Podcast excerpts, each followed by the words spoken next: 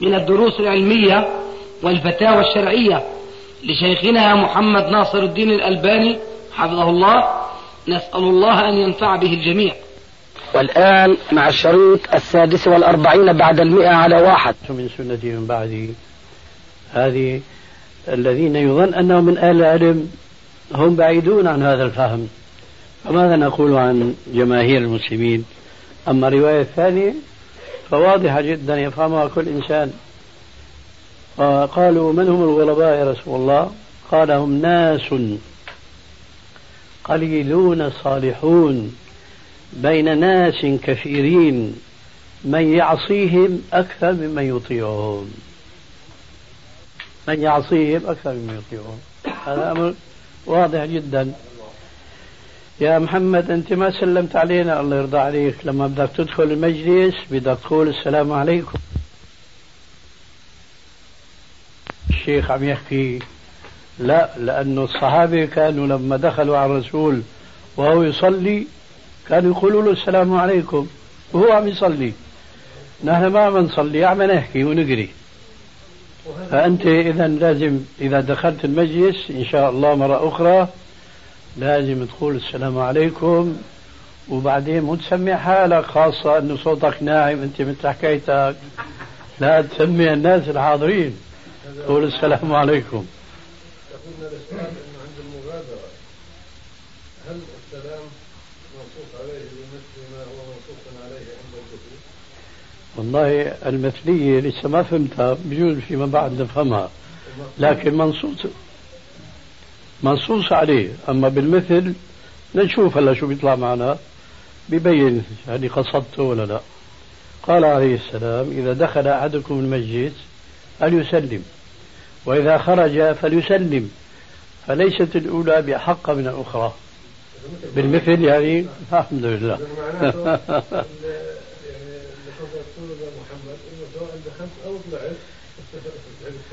إيه صح بس أنت أولى أبو محمد قبل محمد. إيه محمد المتكلم لأنه نحن كل التركيز عندنا أوه. على الدخول نعم عموما لا على الخروج. في إيه هذا من فوائد تكرار المجالس حتى يذكر بعضنا بعضا.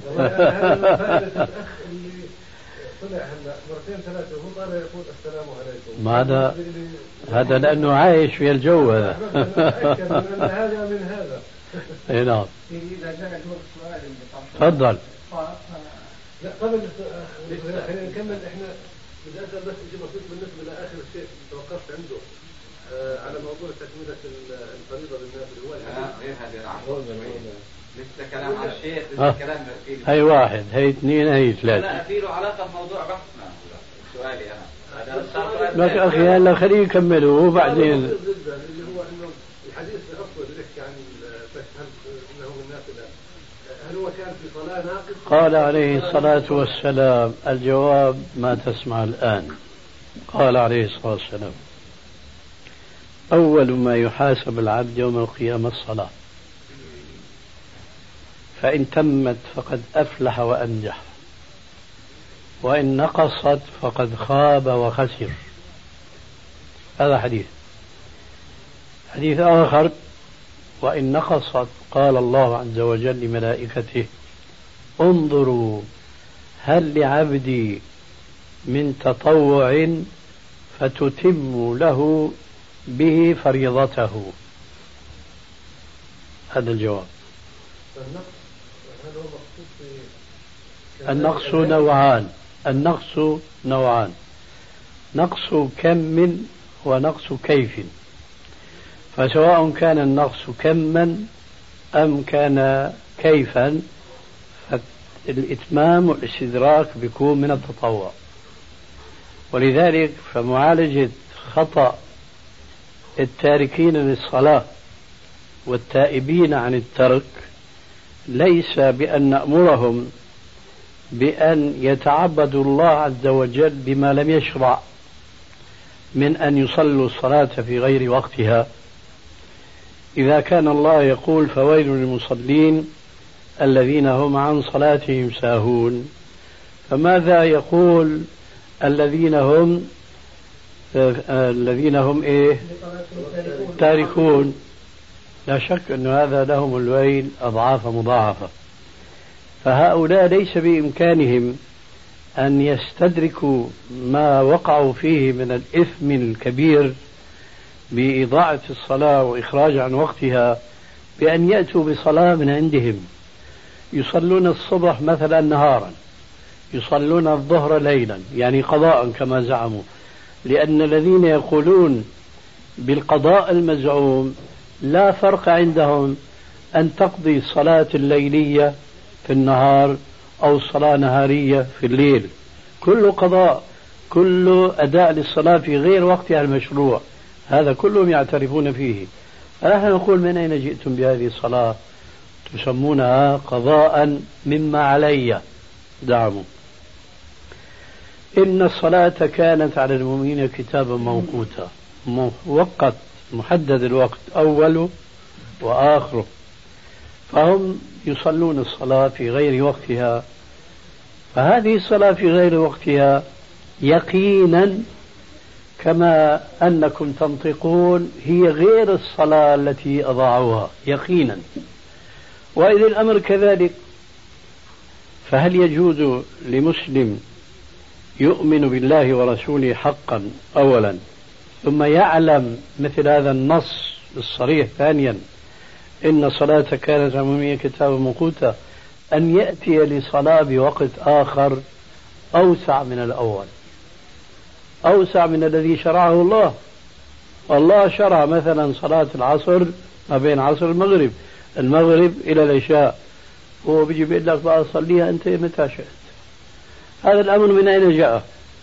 أم لهم شركاء شرعوا لهم من الدين ما لم يأذن به الله. الحق والحق أقول.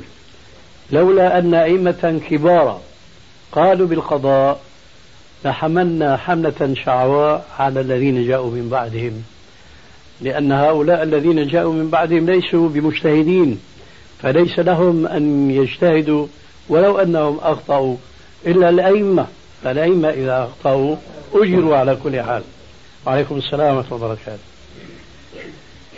يعني موضوع قضاء الصلاة موضوع من يعني أشد الأخطاء التي دخلت في الفقه الإسلامي هو القول بشرعية القضاء.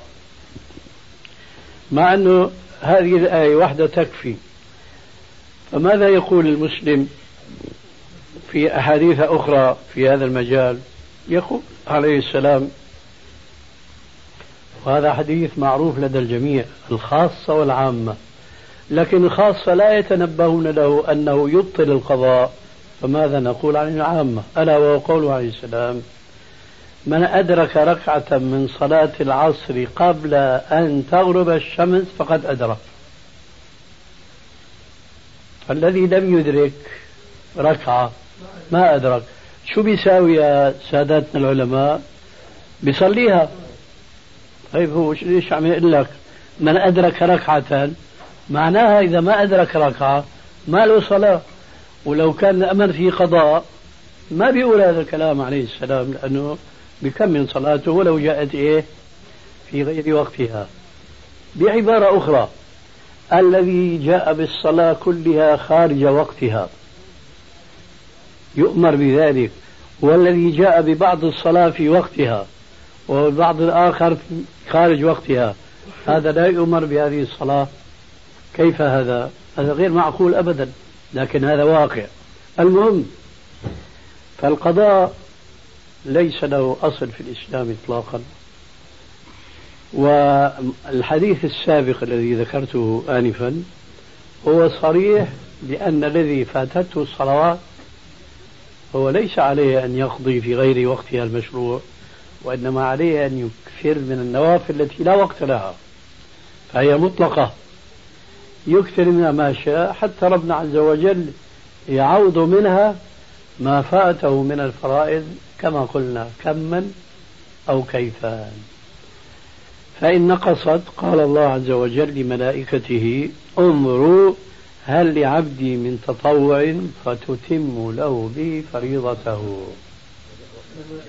يبدو من هذا وكأن النوافل محسوس عليها بمثل هذا لدرجة كأنها مفروض حتى تستطيع أن تحصل إيه هذا كمان خطأ لأنه أعطيني والله وقت كلينكس.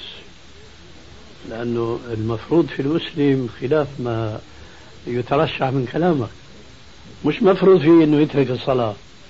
لكن إن وقع منه شيء من ذلك تدورك يوم القيامة من النوافل.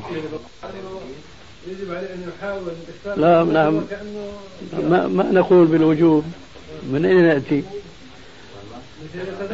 الوجوب الوجوب يا أخي بده دليل شرعي لكن الحريص على أن يعوض ما فاته يكثر من النوافل. لكن ما نقول يجب عليه بسم الله. على كل حال. ما يحصل ما يحصل الآن إنه كثير من المسلمين اسما لا يصلون ولا يصومون ولا إلى آخره هل لنا أن نأخذ مثال للتبسيط إنه في ناس أسلموا على الصلاة وكانت الصلاة كل عندما أسلموا ما كان يسلم مع أن الصلاة فرضت قبل الإسلام. لنا أن نأخذ من هذا مثل. على أن المسلم الذي هو مسلم. ما عنده صلي. مثل الوضع اللي ما كان الكافر اللي ما كان أسلم. لكن الصلاة مطلوبة. عندما دخل في الإسلام ما ما قبض هو لنا نقول هذا لكن لا يخفاك أنه هذا ما بيكون دليل. هذا من بعد الاستناد إلى الأدلة السابقة. نقول هذا أن الكافر أسلم لا يمر بقضاء ما لم يصلي من الصلوات. آه. طيب خلصت أنت؟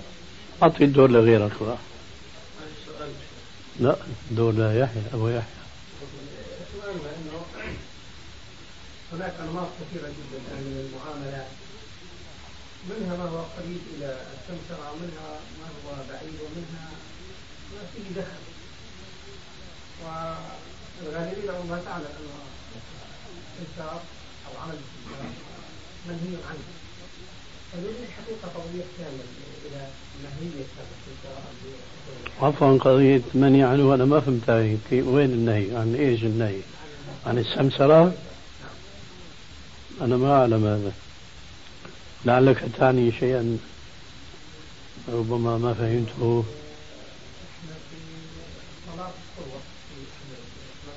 إيه. طيب. فجاء بحديث بما معناه انه لعنه من الاستنساخ حديث مقروء قرأه من ولعن. يعني بهذا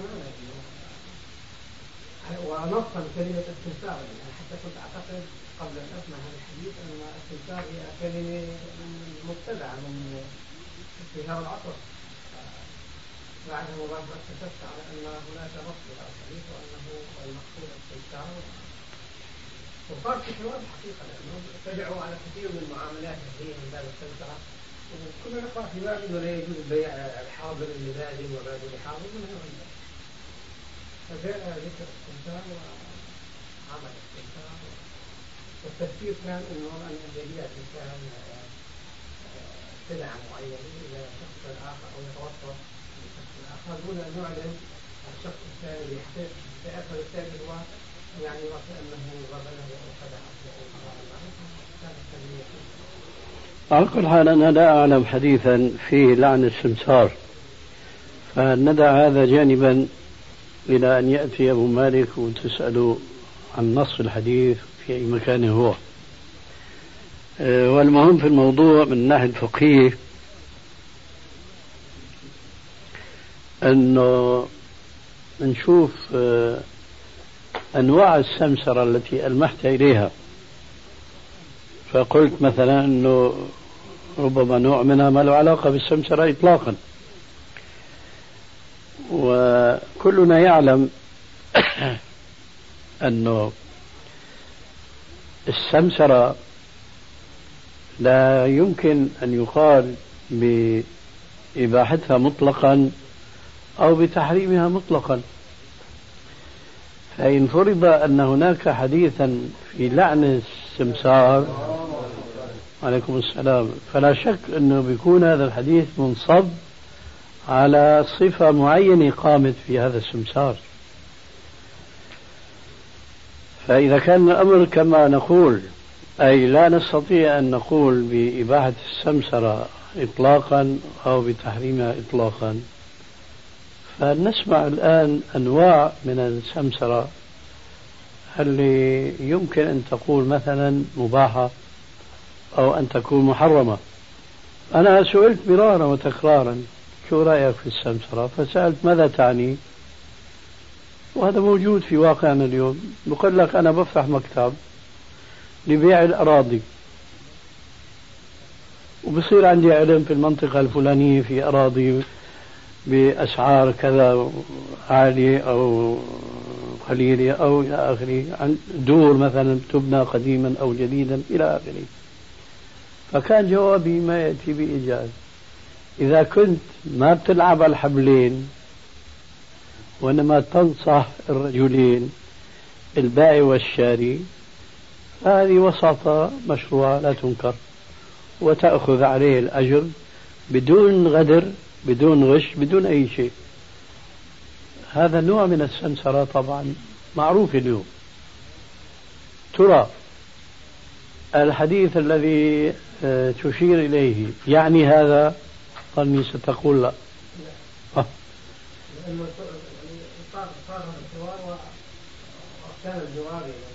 كويس إذا هات بقى صورة ثانية لنشوف شو بيقتضي الفقه أن يعطينا من حكم عليها. اصبر. الصورة الأخرى أنه يعني تقريبا مشابهة ولكن يدخلها نوع من خلاص انتهى الأمر. يعني بمعنى أنه أنا أزين لك الأمر. البيت مثلا قال الله عليه وسلم هذا البيت 5000 نعم. وأنت بحاجة إلى منزل فأنا آتي مثلا وبحاول أقنعك أن أنا أبيعك هذه 5500 أو 3000 ف يعني إحدى أمرين إما أزين لك الأمر وبعدين برجع بقول لك إذا قلت لك أكثر فأنا باخذ نسبة 300 أكثر أو الزيادة إلي أو بما بهذا المعنى. نعم نعم ما بمعنى لا يكون واضحا ما بين الطرفين ويحاول أن يظلم هو ما أمسك. سواء الذي تفاوض سواء سواء الشراء نفسه يعني أنماط كثيرة جدا تحصل نعم. هذا ما بيجوز هذا واضح أنه ليس فيه يعني نصح للمسلمين بل فيه تغرير وفيه تضليل وفيه كما قلنا لعب على الحبلين. هو كان كلها تحت باب البيع عندما كان النهي ان النبي أن يطلع أهل الحضر ويستقبل أهل الباديه وبالتالي شراء والاحرى اخذ شراء ما عندهم قبل أن يذهبوا إلى السوق أو انهم إلى السوق حتى يعرفوا مستوى هو لهذا السبب. نعم. آه. يعني كان هذا تحت هذا الباب وبالتالي جاء هذا كويس لكن أنا استغربت إنه في حديث بلعن السماسرة. يعني مش لعن هو يعني بيكون بشيء من هذا القبيل بس كان كلمه الاستنكار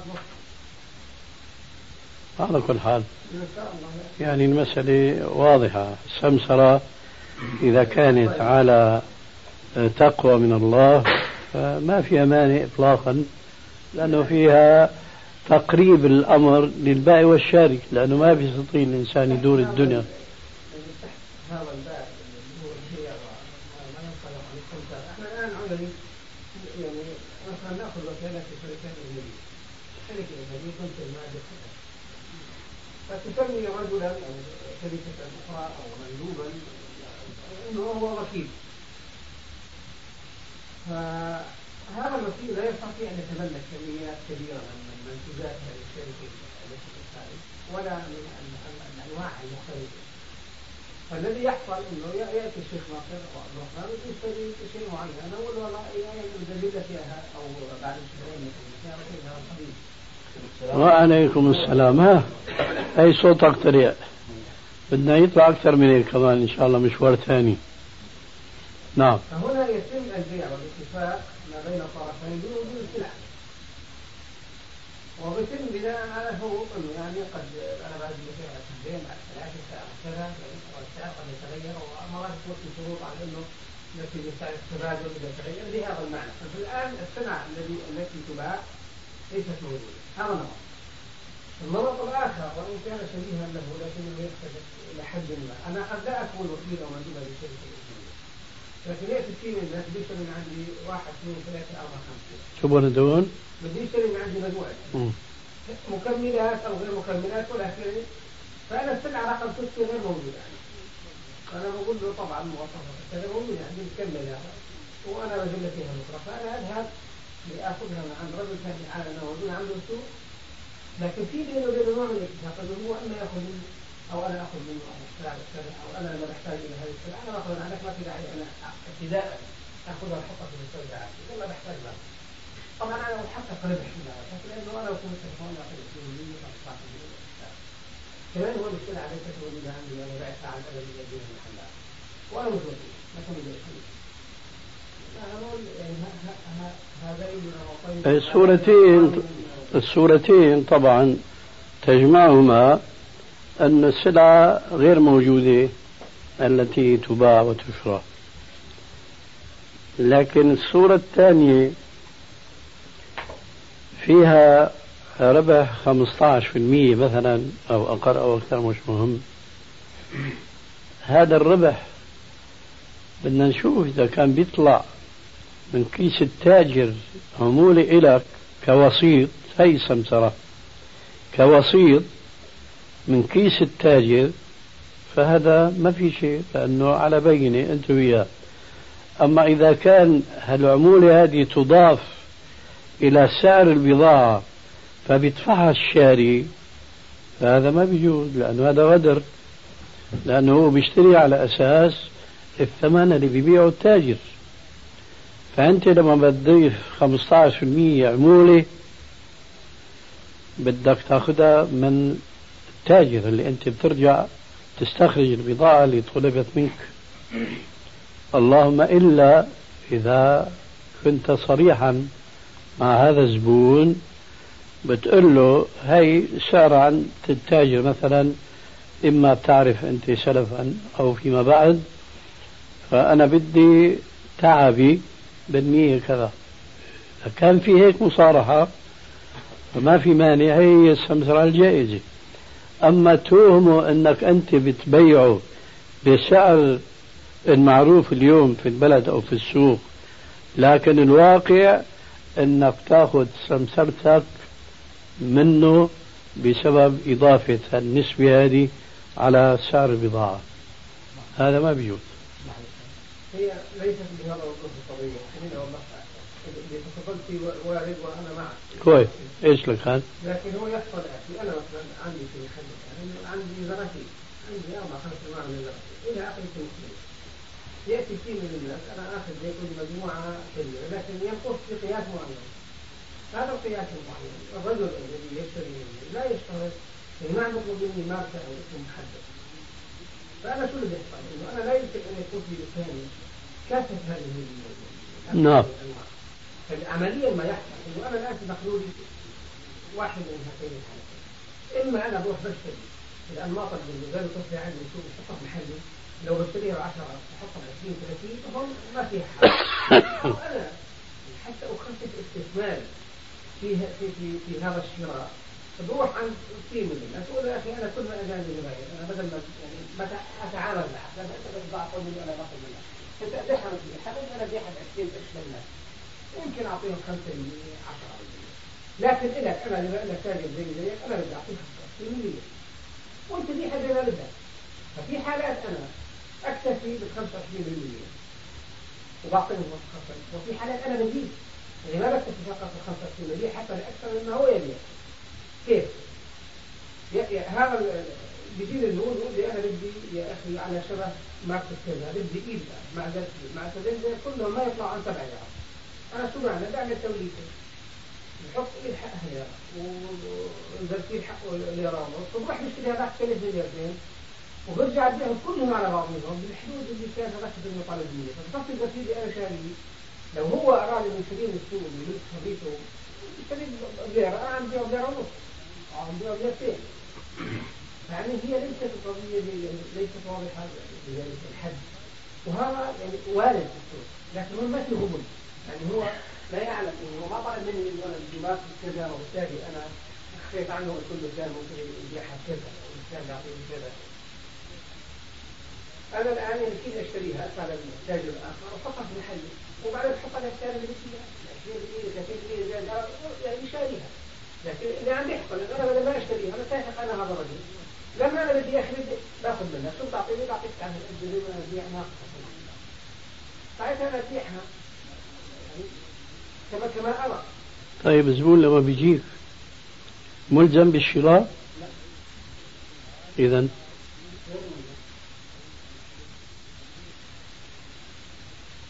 أنت ما جبتها إلا مشانه. لا أنا أنا جبتها بعد ما اتفقت يعني هو الزبون جاي هذا هو ليش عم يسألك ملزم بالشراء؟ مع ذلك بتقول أنت لا. فكيف لا وأنت اتفقت معه؟ آه أنا ما في ملزم بالشراء بمعنى هو عندما تحدث معي. آه. عندما تحدث معي وأنا أبي أنا بدي السنة المجانيه وأعطاني مواصفات قلت له أنا بدي لك طيب. نعم نفضل المجلس نفضل المجلس. على ان يأتي غدا قد يأتي هو غدا يشتريها وقد لا يأتي. معليش لكن إذا جاء فهو ملزم؟ إذا جاء ملزم بأي معنى؟ يعني. إنه يشتري الحاجة هي اللي اتفقت انت وياها عليها. وبالسعر اللي أنت فرضته أو تفرضه. اذا رفض أن يشتريها هل أنا أقيم عليه مثلا دعوة؟ لا مش يعني يجيب العين مش مش ضروري يقيم عليك دعوة. اسمح لي. إلزام شرعا. شرعا يعني. يعني المؤمن المؤمنون عند شروطهم. يعني هلا أنا إذا اشتريت منك حاجة موجودة عندك ها؟ ودفعت لك الثمن. وقلت لك الآن ما راح أقدر آخذها معي. هاي ثمن ورجعت. صح العقد؟ وامتلك هو وأنت ليس لك ملك في هذه البضاعة. صح؟ فأنت ملزم بتسليمه إياها. وهو ملزم بأخذه منك لأنه أعطاك الثمن. كويس. ها؟ كويس. الآن أنا ذاك الرجل اجيت قلت لك بدي زرفيل من نوعية كذا ويد كذا إلى آخره. مواصفات جيدة. وهي مو موجودة عندك. وعدتني غدا. جيت أنا غدا شفتها وعجبتني. قديش السعر قلت لي ليرتين مثلا. ما عجبني أنا السعر ملزم أن أشتري فإذا ما في إشكال هاي بها الصورة هاي. إذا كان بها الصورة هاي ما في إشكال. طيب الشكل الأولاني وهو؟ الشركات الأجنبية اللي أنا موفق منها ما عندي ببيع على الكتالوج أو على الصورة أو على كذا أي نعم. على الرسم ما شاء الله أي نعم وتأتي البضاعة عليك بحوزة تأتي عليه أي نعم. فهناك نمطين. هنا هناك إيش؟ نمطين. أي نمط إنه أنت تعرف تكتبها وتالي الحيطي أو بحط عمودي أو بحط مثلا والنمط آخر إني أنا بتعاقد معك الآن. بحدد بحدد مدة التسليم وكافة الشروط وبالتالي أنت دفع السعر أو تدفع ثمن المبلغ أو ما تدفع بالمرة لكن هذا. فأنا هون يعني السلعة التي في حوزتي وأبيع شيء غير غير غير غير موجود. لا أتملك نعم هذا أمر سهل إذا كان يعني موصوف وصف دقيق فهو مش داخل في عموم قوله عليه السلام لا تبع ما ليس عندك. لأن هذا لا يمكن بيعه وشراؤه إلا بهذه الطريقة على الوصف يعني. لكن يشترط أن يكون الوصف دقيق جدا حتى ما يكون مثار اختلاف حينما يأتي الموصوف وهو مخالف لبعض الأوصاف التي ذكرت من قبل. هذا جائز. شو في عندك فهمت صورة من الصور اللي كانت سألك عنها. اي نعم. إنه ما بيجوز. واللي فهمت الصورة أنا إنه أنا مثلا بشتري بضاعة من من التجار. وجاء أحد المشتريين ما وجد عندي البضاعة. قلت أنا بجيب لك إياها غدا. أو بعد غد بروح بشتريها بفاتورة باسمي أنا شخصيا. وإذا هو طلب مني فاتورة بعطيه فاتورة مني أنا مش من التاجر نفسه. إيش هالسبب فيها الصورة؟ هي ترجع نفس ما قلنا. هل هو بده يشتري منك بالسعر اللي يباع في السوق فأنت ربحك من التاجر وليس من الشخص؟ فإن كان ربحك من التاجر فهذا ما في إشكال في إباحته وجوازه. وإن كان ربحك منه يعني رحت أنت عند التاجر أو راح هو راح يشتري الحاجة أنت ولا هو بسعر واحد بينما في الصورة الثانية أنت بتروح تشتريها كما لو هو راح اشتراها بدينار مثلا راح تبيعها دينار وربع نعم. الربع أنت أخذته منه زيادة ما أخذته من التاجر اللي باعك البضاعة نعم. آه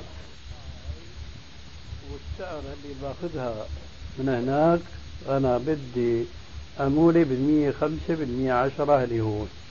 إذا كان بهالصورة واتفقتوا على ذلك فهو جائز. لأنه بهالحالة بتصير أنت وكيل عنه. نعم ونائب عنه. بس هو بإمكانه مثلا يشتريها لكن هو أجل قصدني أنا. شو بدنا فيها هلا هو؟ نعم. شو بدنا فيها هلا؟ ما بدنا فيها؟ نحن فينا هلا أنت. نعم. أنت لك صورة من الصورتين اللي ذكرناهم. شو عندك ملاحظة؟ حول صورة من الصورتين بتحكي فيها. شو بدنا فيه؟ أنا عارف يعني أنت لو قلت لي هو قصدك ما بينت لي شيء مجهول عندي. قصدك لأنه هذا صنعتك ومهنتك. يعني هلأ أنا مثلا بدي أشتري عباية. شو بيعرفني بنوعية القماش؟ ما بعرف. لكن مو أنت تستغلني. أنا مسلم قيادة آه، نفسي إلك لأنه رجل موثوق أنت عندي إلى آخره. وبتروح بعدين تتحكم في هذا ما بيجوز. يعني في حوادث بسيطة كانت تقع عندنا في دمشق. يعني أحد إخواننا اللي كان يحضر دروسنا هو الله يرحمه من طرطوس توفي إلى رحمة الله. كان يبيع تنكات زيت زيت بلدي تبع الزيتون يبيعني أنا التنكي فيما بعد اكتشفت بأغلى من السعر اللي يباعه لغيري. أغلى.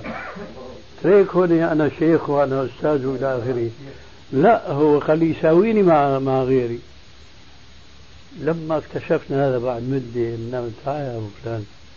بلغني أنك أنت بعت بسعر كذا. قال إيه نعم. قلت له شلون بتبيعه بسعر وأنا بتاخذ مني زيادة كان جواب إيه الربح محدود. الربح محدود. طبعا جوابي لا الربح مش محدود. لكن أنا لأني واثق فيك تأخذ مني زيادة. بالعكس القضية الناس بيعملوا. إذا كان ولا بد فبتسعر تبيعه فهذا غرر. استغلال. لا هو شريف ولا هو مشروع. فقصدي هذا الشخص اللي بيجي لعندك بكلفك بشراء شيء بدك فهم الواقع. مش في ذهنه أنك أنت راح تشتري في السوق من التاجر هو بربحك حتى تبيع الحاجة بسعره هو. وهي قضية معروفة تماما. أنا مثلا كنت ساعاتي أنزل عند التاجر أخذ لي كم ساعة؟ أه مثلا 30 ليرة حق الوحدة هو بيبيع 35 أنا ببيع 35 لكن هو بيخصم لي ما طالع الفرق أنا الربح تبعي قالوا من الزبون. نفس السعر اللي هو بيع أنا ببيعه لكن هو باعتباري أنا بشتري بالجملة يعمل لي خصم. فجاءني ربح من التاجر مو جاءني ربح من الزبون. فعلى هذا أظن الصورتين دون واضحتين. نعم. في شيء عندك غيره؟ يعني أستاذ الآن معلش ولو في توضيح. يعني مرة بدي أشتري زي ما ذكر أخونا شغل زرافيل من واحد من بالزرقاء. فنزلت على شركة مواد البناء فوجدت ان السعر أقل. فرجعت له للرجل الآخر قلت له أنا وجدت سعر أقل من عندك قال هذا ما بفرق بين الجملة وبين المفرق. ببيع هو سواء وإحنا بنربح حسب ما بنبيع عادة يعني. أنت اشتريت زرفيل أو اشتريت عشرة من عنده وأنا كأن لأني تاجر ببيع زي زيك. هذا سمعت هذا الكلام؟ من احد أنا سمعت هذا الكلام. فأنا أربح القيمة الآن إنت طبعا لو ما فصلت ما صلحت. حتى لو كان كذلك يعني أنا الان اللي فرض نفسه الآن إنه ليس بالضرورة إنه في شيء في ساعات من الاسلام يعطيك يلخص إنه أنت اشتريت ساعات تقصد مسؤولياتك ما عندك فيه منها فلا تاجر وباع فيها حتى وخدع باع فيها لاغلى لكن أنت تريد أن تتاجر بدك بدك تحط أنت على المبلغ اللي أنت دفعته. لا أخي أبويا تختلف المسألة. تختلف المسألة بين أنا أروح اشتري الساعة الساعة مثلا اشتريها من التاجر ب 30 هو ببيعها ب 35 أنا بجي بدوري كما قلنا آنفا ببيعها ب 35 فأنا ربحت إيه؟ من التاجر. الخمسة ربحتها من التاجر. طول بالك شوي. هاي الصورة اللي حكينا ديك الساعة عنها. في صورة ثانية أنت بدك تحكي عنها. أنا اشتريتها ب 30 هو بيبيع 35 أنا بعتها ب 37 أنا حر. كويس؟ هاي اللي عم تحكي عنها. لكن أنا عم أحكي عن صورة أنت إجيت لعندي بدك نوعية معينة من الساعة. على أساس أنه أنا ببيعك بنفس السعر اللي أنا ببيع للزباين. فهون في صار في استسلام. ليش ضربنا مثل أخونا هذا المتوفى رحمه الله؟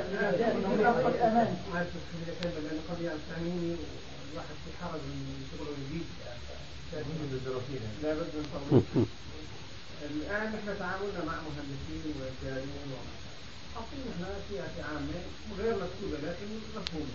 اي نعم. إنه المهندس. عليكم السلام ورحمة الله وبركاته. إنه نعطي يعني أنا مثلا ما نعطي خصم لكن لبعض البلاد.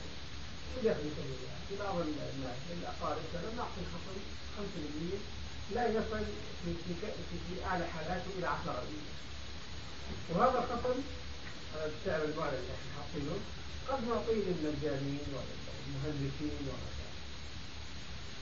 الان في بعض المجانين متعودين في البلد.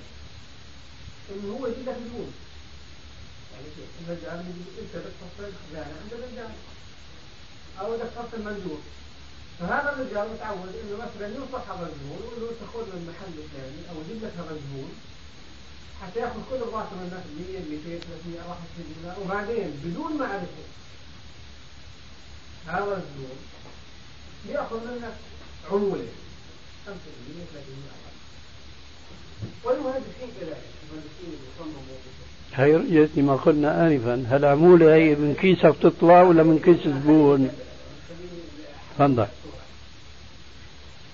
فالآن أنا يعني وجدتني المشكلة كنت أمام أمام يعني أمام خيارات الخيار الأول إنه أنا مع هذا الزبون الذي جاء من هذا الطريق يعني أنا من هذا الطريق ما بعطيه ما بعطيه الخطر اللي أنا كنت بقرر لو إنه الزبون فصلني كذا ولا شبكة كذا قد أعطيه فأنا الزبون الذي جاء من هذا الطريق ما فصلني ولا نقصني أحد الكلام مرة فخلت لي أنا طلعت مهندس ولا مجال.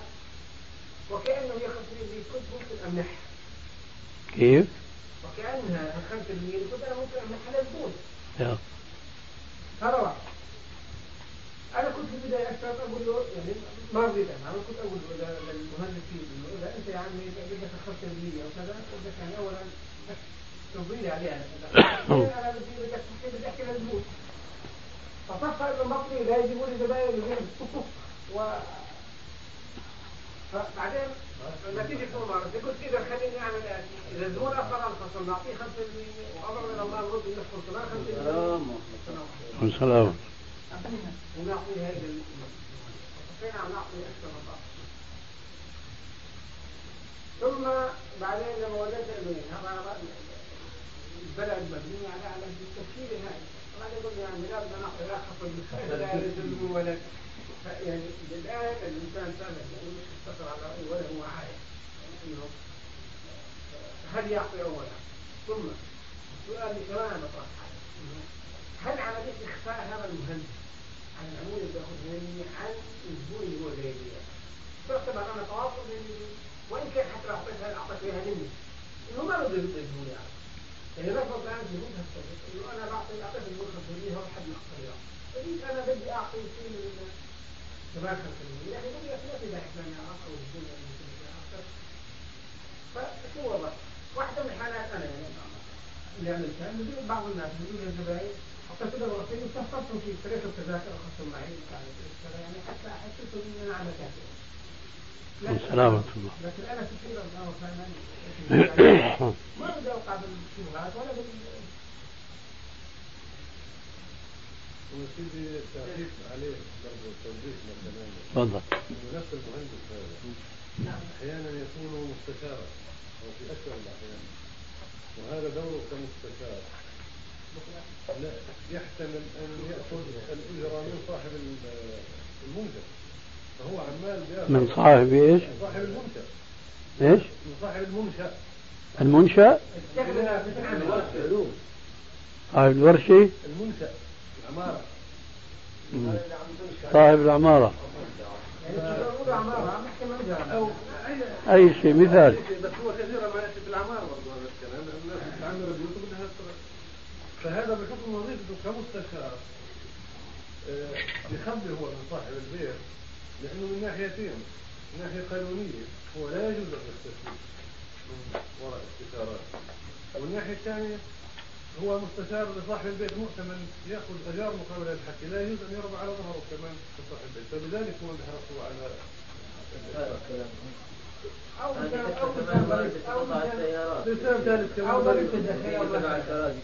مثلا يصلح سيارتك فيها كثير. يطلب عمولة عليه مم. نحرص انه ما ندفع إيه، العمولة لا. بس كمان توضيح عشان كل الصورة سيدي الصورة هذا المهندس كمان هو بنتي الصورة اللي حكاها عدنان صاحب. هذا المهندس لو اخذنا عندك من عند غيرك على اي محل يروح يعني اذا انت يعني بده ياخذها هذا يعلم الصور لا لا لا لا يعني اهم شيء يعني اهم شيء شو النقود نقود على انه يعني اصبحت اصبحت من العصير مثلا بحيث انه يعني هو ما هو ما عاد المهندس عم بي- عم بخل الزبون وعم بيسمح لي وعم بيزين له ياخذ من عدنان مش من زهير هو من عدنان راح ياخذ من زهير أي نعم. والسلام ورحمة الله. ولكن هو لا يزال في عملية الخمر. فبالتالي فبالتالي يعني ما عاد ما عاد صاحب المنشأ مخموم لأنه لأنه المهندس لو راح عند علي علي بده ياخذ ولو راح عند بده ياخذ فما عاد من مصلحته لا هو على الحلال مغبون ماليا آه. ولكنه إذا- وهو لا يعلم. اذا هو ما عم يعني ما عم ما عم بيغير أو ما عم بيخدع. لا هو يخدع. ياخذ من علي دون لا هو يخدع. هو يخدع لأنه الزبون اللي عماله هو بيشتري له هو لا يعلم هذا وإن كان في كل الأحوال راح يدفع. بالعكس إحنا المعروف عادة إن الزبون هذا عرفا وقانونا والى آخره بيعرف إنه أنت ما أخذت وإذا أنت أخذت القاضي هذا مضبوط. بس أنا بس أنا بحط سيدي طريقة. أنت تحكي صح بس أنا عم بحط طريقة. أخرى عم بقول إنه يعني ما عاد من مصلحه المهندس إنه إنه يبين لصاحب الورشه إنه يروح عن صاحب دون عدنان. لأنه هو على كل الحالتين لو جاوا عند عدنان اخر لو جاوا عن طلحه فبالتالي هون أنا عم بحاول أمشي بطريقة ما بقضيه معينة إن يكون المهندس قد خدع الزبون حتى يأخذ من محله يعني زاد يعني يعني زاد مواصفات البضاعة لك على حساب مواصفات لا لا لا لا لا لا خلينا نقول هيك إحنا. اللي ما بيدفع له واللي بيدفع له. يودي له على اللي ما بيدفع له.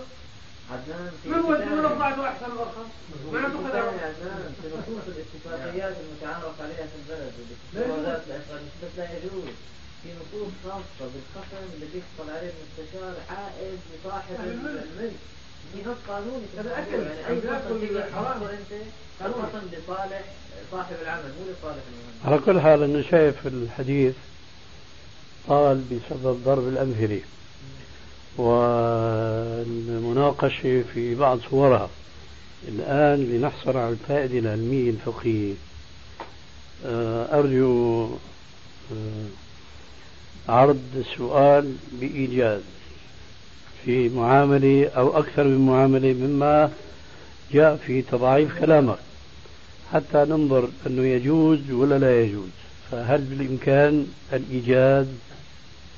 يعني خلينا نحط أخرى.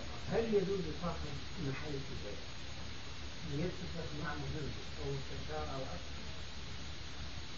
بأن يحضر له زبائن مقابل أن يعطيه على كل واحد واحدة من هذه البيعات مبلغ.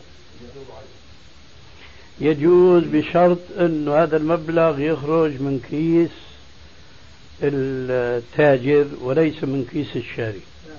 طيب غيره. لا، ممتاز. الآن تكمل لهذا تفضل. الآن تحديد تحديد الحكي تحديد إيش؟ تحديد ثاني. يعني كويس. هذا الحكي ينطبق تماما إذا كان السعر محدد ولا اختلاف فيه عن الإطلاق. إذا ها. كان السعر محدد ولا اختلاف فيه عن الإطلاق، أنا ببيع يا أبو عبد الرحمن بخمس قروش، هذا آه، علي لا تخمس ولا أحد ولا أحيد عن ذلك. لكن أنا ممكن جدا إني إذا جاء الشيخ أبو عبد الرحمن ابيعه باربعه والله الثاني ابيعه بخمسه والثاني ابيعه بخمسه أنا حاطط يعني حدين اسمع لي راح أعطيك الجواب. ولو يعني اختصرنا كلامك. هالصور اللي عم تصورها خلاف الصورة الأولى اللي فيها الجواب واضح تماما صاحب العمل يعرف في أي صورة تلحق هذه الصورة الأخرى. بمعنى أنت بتبيع حاجة ما خمسة خمسة بجوز تبيع بستة. صح؟ لكن ليش خصصت زبون اللي بعت لك يا فلان المهندس بالستة وما خصصت زبون ما بعت لك يا المهندس ستة إنما أخذت منه أقل سعر وهو الخمسة؟ هون بقى بدك تشوف أنت العامل الدافع لك على هذه الزيادة هل هي في الأصل جائزة شرعا لأن الربح مش محدود كما نعلم جميعا لكن نحن بدنا نشوف ما الذي حملك أنت كمثال تفرضه على أن تأخذ الزيادة من الشاري الفلاني وقد أرسله المهندس الفلاني لماذا خصصته بهذه الزيادة؟ عشان هذه الزيادة ما تطلع من جيبتك. كلامك سليم بس مو هذا اللحن فكان شو اللي بيحصل؟ إحنا ما بنأخذ زيادة. إحنا السعر معلن. طيب. السعر السلعه معلن. إذا اذا بده يصير بده يصير بده يصير نقص السعر المعلن يعني أنا سعري 5 ونص. أنا ببيع عبد الرحمن. إذا بدي أغير السعر ببيعه ب 4 ونص ما ببيعه ب 5 ونص ما بقدر لأنه أنا حاطط سعر عليه لكل واحد. طيب. فإذا أنا بعت لي كثير من الناس المهندس ما ما بخليها 5 ونص بدل 5 بخمسه ما بعطيه خمسة. لكن بركي هي في قرارة نفسك أربعة ونص فعمل يعني اسمح لي. بقى فأول بقى شو؟ أنا ما أقول في قرارة نفسك. أنت في قرارة نفسك أربعة ونص لكن أعلنت خمسة مشان النص هاد مشان النص هذا يكون احتياطي إلك لإرضاء ذاك المهندس. يعني أنا بيحضرني مثال الآن كنت حكيت لكم إياه مرة بمناسبة بيع التقسيط. تاجي من كبار التجار في الكويت بلغوا من طريقي من طريق غيري أنه أخذ زيادة مقابل التقسيط هذا ربا. فهو ماذا فعل؟ تاجر كبير في السيارات. السعر اللي كان يبيع بالتقسيط جعله تقسيطا ونقدا. جعله تقسيطا ونقدا السعر العالي. يعني وحد السعر لكن هو من قبل كان عم يظلم نصف الزبائن اللي بيشتروا من عنده بالتقسيط الآن صار بيظلم كل الزبائن اللي بيشتروا بالنقد ولا بيشتروا بالتقسيط هاي السعر واحد يا أخي ما أخذنا زيادة. لا هو أخذ زيادتين أخذ زيادة مقابل التقسيط وأخذ زيادة مقابل النقد أيضا اللي ما كان يأخذها من قبل. فهذا يا ترى يعني آه، مشي مع مقصد الشرع من قوله من باع بيعتين في بيعة فله أكلس مع الربا أم هذا مثله كما يقال كان تحت المطر وصار تحت المزراب فالآن الشخص اللي أنت بتعنيه هذا التاجر هو حاطط للجميع السعر خمسة لكن هو ما في عنده مانع إنه يبيع بأقل. صحيح لكن بيرجع السؤال لمين بتبيع أقل؟ بتبيع أقل لمين؟ لهالزبون اللي اجاك من طرف المهندس. مشان الزيادة فوق الأقل يرجع لمين؟ للمهندس. فهنا بيرجع الحديث إنما الأعمال بالنيات وإنما لكل ما نوى. فإن كانت هيك ما بيفيدنا كون نحن أعلنا أن السعر للعموم خمسة. كمان في صورة غير هيك؟ ما تفضل. إحنا نحط السعر خمسة وبذهننا إنه نعطي تعليماتنا إنه في بعض تعليمات للمدير مبيعات إنه في ونص. بس ما بحدد له يعني واحد يتقل دمه واحد تعرفه يعني أنت بتعطيه الحد الادنى ينزل له هو مو لأنه فلان مهندس أو لأنه كذا لا. معلش يا أبو يحيى منيح هذه لكن لما بيجيك من طرف المهندس بتبيعه بخمسة ما بتبيعه بيعه بخمسة لا المهندس منين بده ياخذ المهندس؟ ما هي هي هون اللي إيه، هون بدنا نشوف منين بده ياخذ المهندس؟ العمولة اللي أنت متفق معه منين بده ياخذها؟ أيوه الشبهه اللي خاتمين مو إنه بيعوا للمهندس الذي جاي من طرف المهندس باربعه ونص الشبهه إنه أنا بصر على اني ابيعه بخمسه لأني ب... لأني بدي بعدين اعطيه وين وين في شبهه وين إذا بعته بخمسة؟ مش للمهندس بيبيعه لصاحب العمل باخذ العمل يا حبيبي أنت المهندس وأنا زبون ورحت عند ابو يحيى وشفت الزرفين اللي معلن عنه بخمسة. أنا ببيعني اياه بأربعة ونص بيقول لا طول بالك. بيقول لا هلا هو بيقول لا. ليش؟ لأنه هو ببيع بالناقص لغير كمان ال- الموسطين والمهندسين. ببيع بالناقص كويس. أنا لما أجيتك من طرف المهندس وبعتني بخمسة. المهندس منين أخذ العموله اللي أنت متفق معه فيها؟ منين خمسة؟ انت بعتني بخمسه باخذ خمسة منك. باخذ الي أربعة ونص وبعطي نص للمهندس باخذ من البائع ياخذ خمسة من اللي بده يشتري بضاعه مش المهندس يشتري. لك هي أنا بدي اشتري أنا أنا عم أقول أنا رحت لعنده مرسل من طرفك. أنت المهندس. طول بالك. طول بالك. بس أنت مالك متفق معه كل ما بعت زبون بده عموله هذا صاحب العمل انت صاحب ما لكم لا تنطقون. يا أخي أنا أنا ناصر الألباني. أنا أنت أرسلتني ورحت اشتريت من عنده حاجة بالسعر المعلن. خمسة. مو بالناقص. أنت العموله متفق بينك وبينه. منين بياخذها هلا؟ هذا اللي حكينا هذيك الساعة. إذا من جيبته. من جيبته طلعت. من جيبته عنها السعر الرسمي المعلن اللي لو غيرك بنزل لك ما طيب. عامل حساب انت لما وضعت سعر خمسة مثل ما قلنا مثل ما عمل هذاك الكويتي. لا لا عم السؤال مو عشانه بس مو عشان المهندسين كلمة بس بنمسكك منها. فاسحبها اسحبها.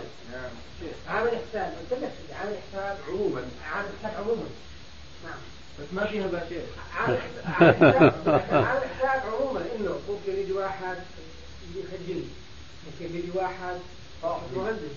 يجي واحد واحد صاحبي بدي اكرمه أكثر من اللازم فعامل حساب إنه أنا فيني أنزل هذا الحد الأعلى وفيني أنزل لاربعه المهم ما تحط في بالك المهندس ابدا.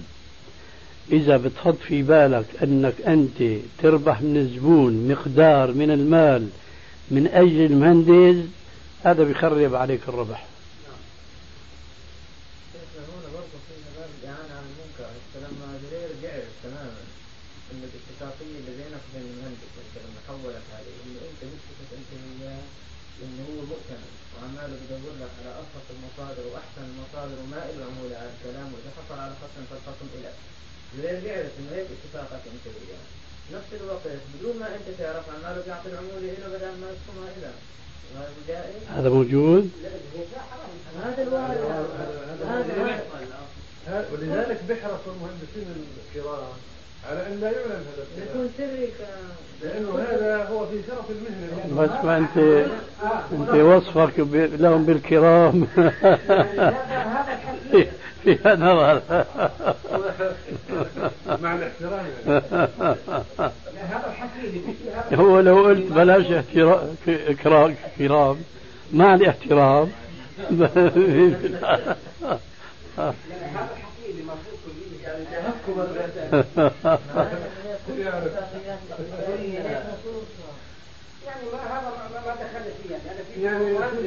لا أبو يحيى إذا كانت قضية في عرف مثل ما ذكر أبو محمد القضية مبينه يعني مشوفه مش بس فيها عرف فيها- وأسس خلقية قانونية مم. يعني لا يجوز للمستشار قانون ممارسة بأي هو عمل يدر عليه ربحا نعم. نتيجة لاستشارته.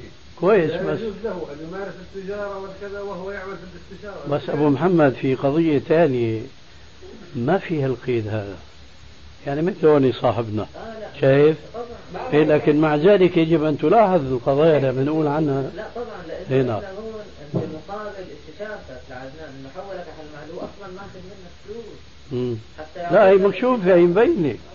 بس هذا إحنا هم أبو يحيى لا كلهم ماشيين لا لا لا عشان انت لأنه مهندسين الترصد وأنا أقول شو بدي مع المهندسين أنا اكبر مهندسين ما ما تعاملت ولا اتعامل معه لاني بعرف أنا عم بحكي على نجاح زي ما أنت حكيت المهندسين اللي في هذا الباب كلهم ماشيين هيك لا بس إحنا أنا لا أنا أنا حكيت بس إحنا واحد المهندس لا يغير في قراره ولا يزين ولا يزين أنا اللي حكيته لا يزين وضع شروط. لزبونه إنه يأخذ من عندك ويرد لأنه يعني ما عاد له مصلحه طالما يقدر يأخذ منك بيقدر يأخذ من طاهر ما عاد له بيقدر- عندهم زبونه عنده مصلحتين واحدة منهم إذا كان أنت ما بتقبض راح يزيحك على الطريق. الثاني إذا كان أنت بضاعتك بمسون عليها أكثر.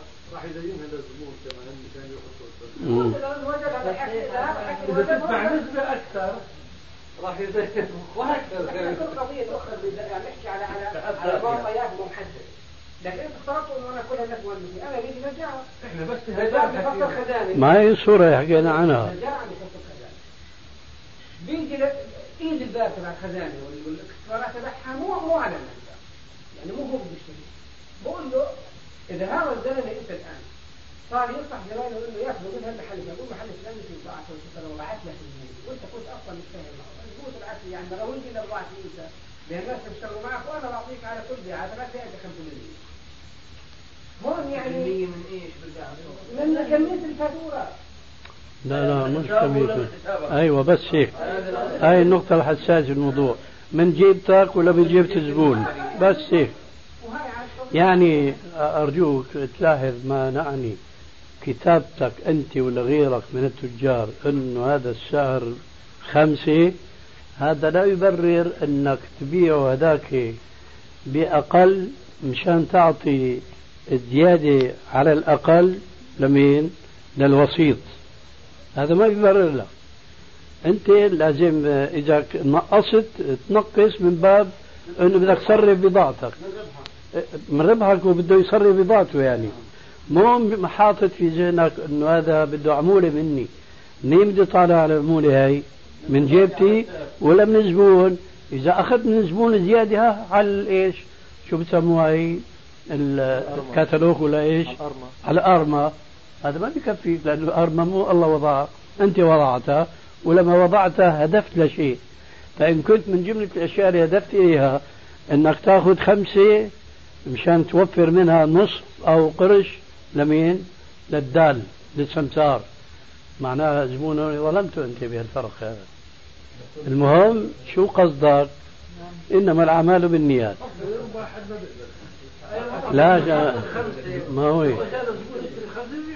انت أنت خربت علينا هلا. لا نعم قصده يربح نعم لكن بأي طريق؟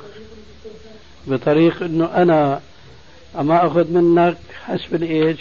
الليسته بينما أنا ما أخذ حسب الليسته مشان ادفع لل... للسمسار. العملية سيدي اعقد حقيقه تكون عادلين يعني ما حساب العملية هي اعقد من انه أنا أحط السعر المزاج أنا ما بقدر أحط خمسه اذا كان السوق كله بزياده اضعه فيعني حتى وضعي أنا للخمسه مو هذا الموضوع بارك الله فيك. يا أخي حط اللي بدك إياه بس لما بدك تاخذ من شخص السعر المقنن من شخص ثاني السعر دونه. بدك تشوف شو اللي دفعك تاخذ من زيد من الناس أقل ومن بكر من الناس السعر المقنن. إن كان اللي دفعك تاخذ السعر المقنن هو مشان تأمن لل... للوسيط هذه هو المشكلة. القضية ما فيها غموض. القصد إنما الأعمال بالنيات. بس إذا كان انت إذا كان هذا الزبون بيعرف اذا الزبون اللي باعته فيه من الناس بيعرف إنه أنا بدي أخذ فيه من الناس 500 ما هي حكيناها نحن هذيك الساعة مع الرجل. يعني الان اتفق الرجل قلنا إذا كنت أنت بتقول زبون أنا بدي أنزل على السوق واشتري لك البضاعه فبدي عموله منك بالمية خمسة بالمية عشرة. هي واضحة. الصورة تبعك قريبة من هذه بمعنى عم تقول يعلم. يعلم. إيه لكن هل يعلم إنه على حسابك ولا على حسابه؟ هذه قضية. نعم.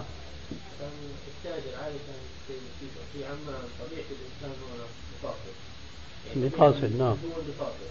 التاجر مثلا بحط مثلا بحط سعره مثلا تكلفته عليه خمس دنانير حط 10 دنانير يا سيدي عالم وآخذ نفس الجواب نفس الجواب و...